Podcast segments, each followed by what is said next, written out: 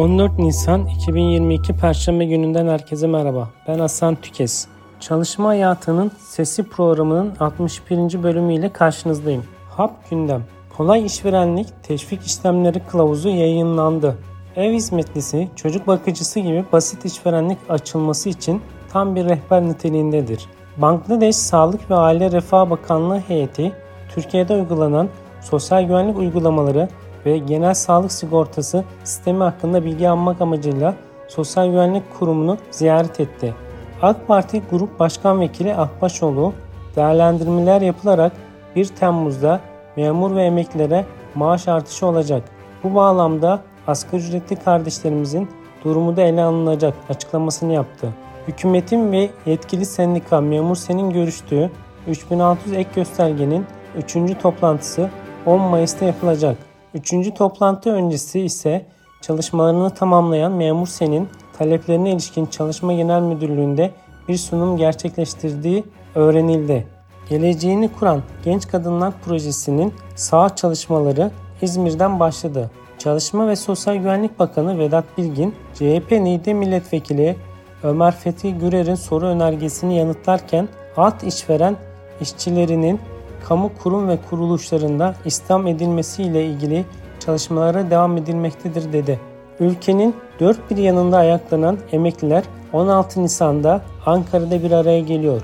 Emekliler açlık sınırının altında olan maaşların arttırılmasını ve enflasyon artışı karşısında %60 ek zam talep ediyor. Memur Sen Konfederasyonu Başkanı Ali Yalçın maaş zamlarında geçmişte olduğu gibi Eşel mobil sistemi uygulamasını önerdi.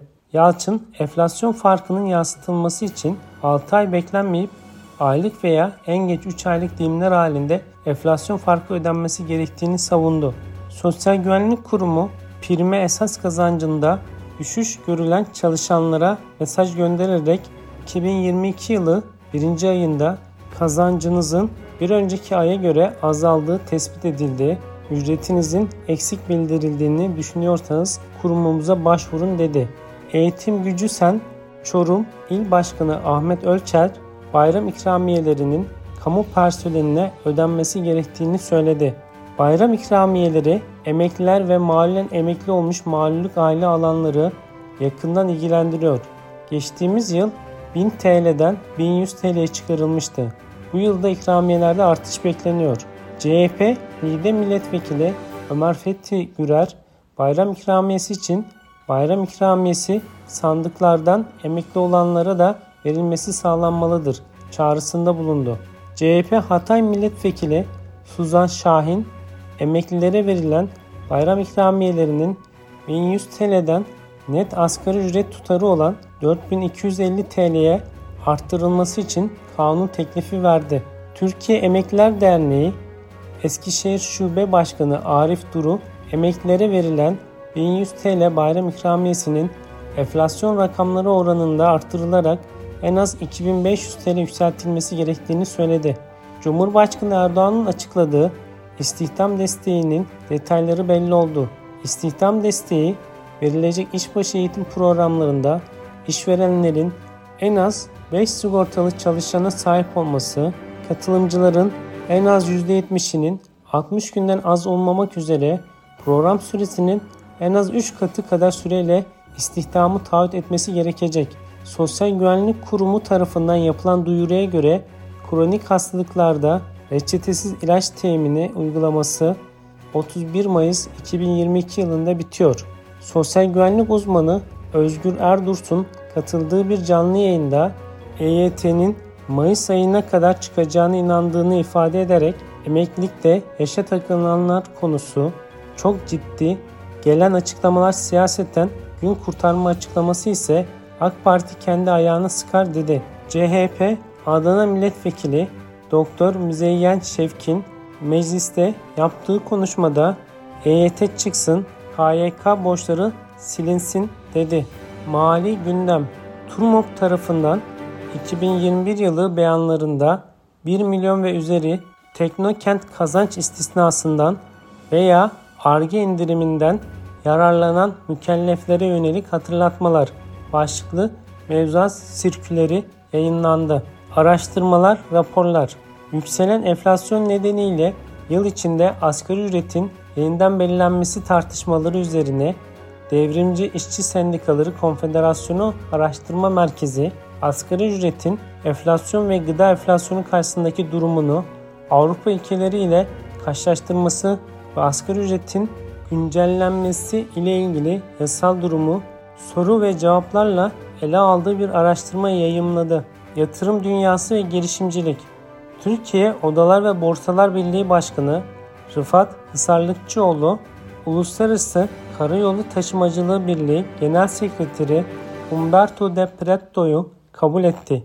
Görüşmede Türkiye'nin uluslararası ticaret ve karayolu taşımacılığındaki konumu ve yeni projeler için işbirliği alanları değerlendirildi. İstihdam, teşvikler, destekler ve programlar.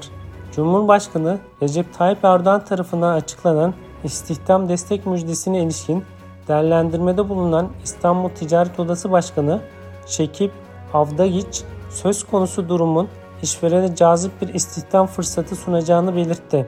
İstihdam desteği verilecek işbaşı eğitim programları kapsamında işverenlerin en az 5 sigortalı çalışana sahip olması, programa katılanların en az %70'inin 60 günden az olmamak üzere program süresinin en az 3 katı kadar süreyle istihdam etme taahhüdünde bulunması gerekecek.